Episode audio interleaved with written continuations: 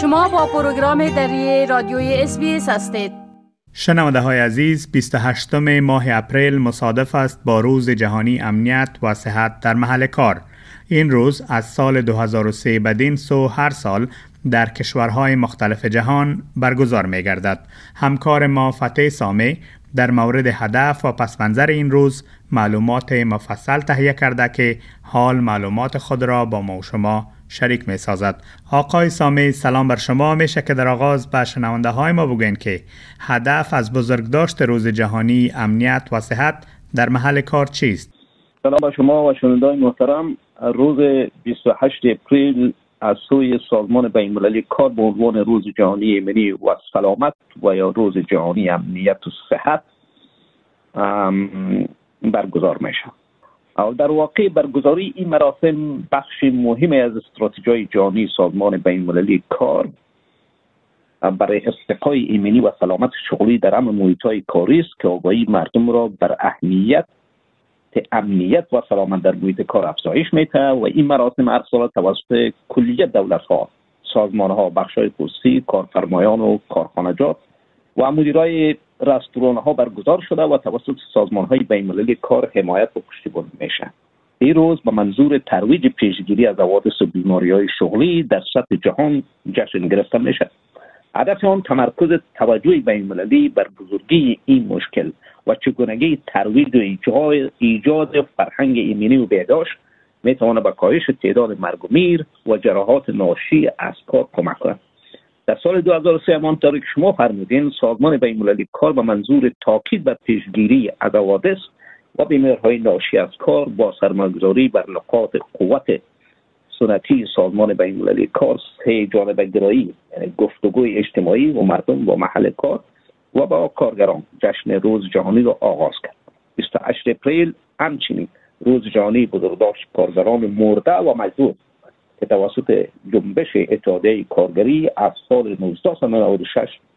در سراسر جهان برگزار می شود تا قرن 16 میلادی در کتب طبی و بهداشت ارفعی و ارتباط بیماری های مختلف با شغل افراد اشاره قابل توجهی نشده بود.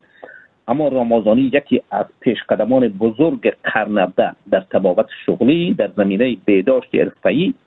صحبت کرد او برای اولین بار با پزشکان توصیه کرد که علاوه بر سوالاتی که در زمان معاینه از بیماران می‌پرسین از اونا پرسان کنید که شغل شما چیست؟ این جمله کوتاه نقطه عطف در تاریخ بهداشت حرفوی و طب کار به شما آمد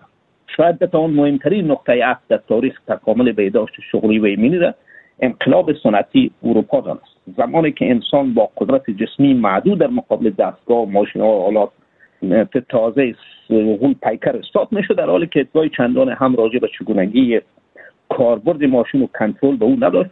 به کار مشغول میشه این مثلا باعث شد که در ابتدای پیدایش انقلاب سنتی در اروپا تعداد زیاد از افراد در اثر مواجهه با حوادث محیط کار کشته و یا معیوب شد این اتفاقات آمار بالا باعث شد که سردمداران و مدیران انقلاب سنتی به فکر تصویب قوانین و قواعد در رابطه با الزامات محیط کاری و نحوه و رفتار کارگران برای آسیب شناسی و کاهش ناشی از کار با ماشینات با ماشینالات عظیم و جسه بیفتند هر روز 6300 نفر در اثر حوادث شغلی و بیماری های ناشی از کار جان خود از دست میتن و بیش از 2.3 میلیون مرد در سال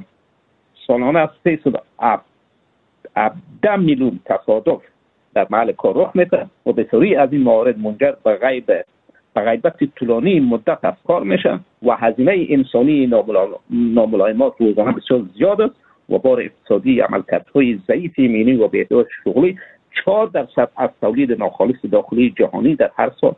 وارد می سازند. آقای سامی کارگران در استرالیا در محل کار کدام حقوق و مسئولیت ها دارند؟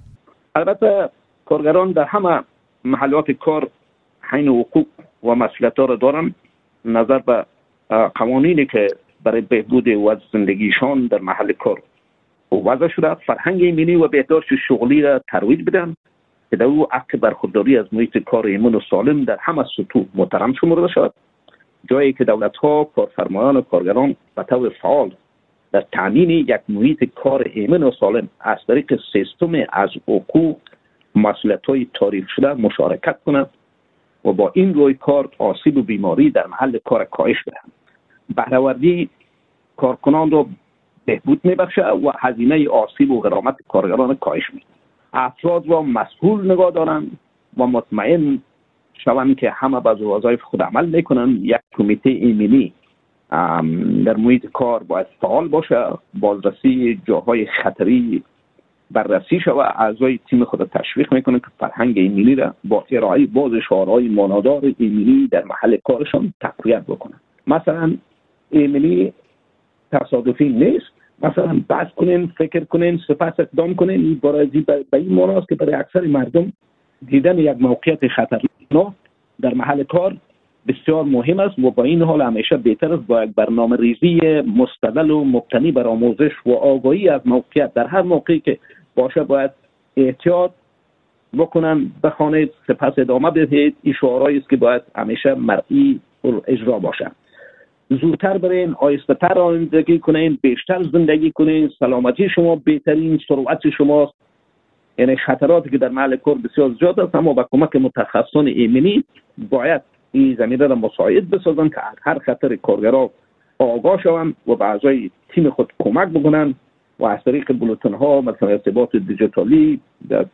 در تا جایی که امکان داشته باشه مراقبت صورت بگیرم. همچنان مهم است که به کارگران خود آگاهی بدهند و در صورت مواجهه با خطر جدی فورا گزارش داشته تیم ایمنی باید اقدام مقتضی را انجام بدن دیگر بررسی شود که در محل کار همیشه چیزهایی که مایات است پاشانده نشه و اگر می باشه فورا او را پاک بکنن به خاطر خطر تصادم وجود داره. صاحبان مشاغل کارفرمایان بیشترین مسئولیت در مورد سلامت و ایمنی محل کار به عهده دارند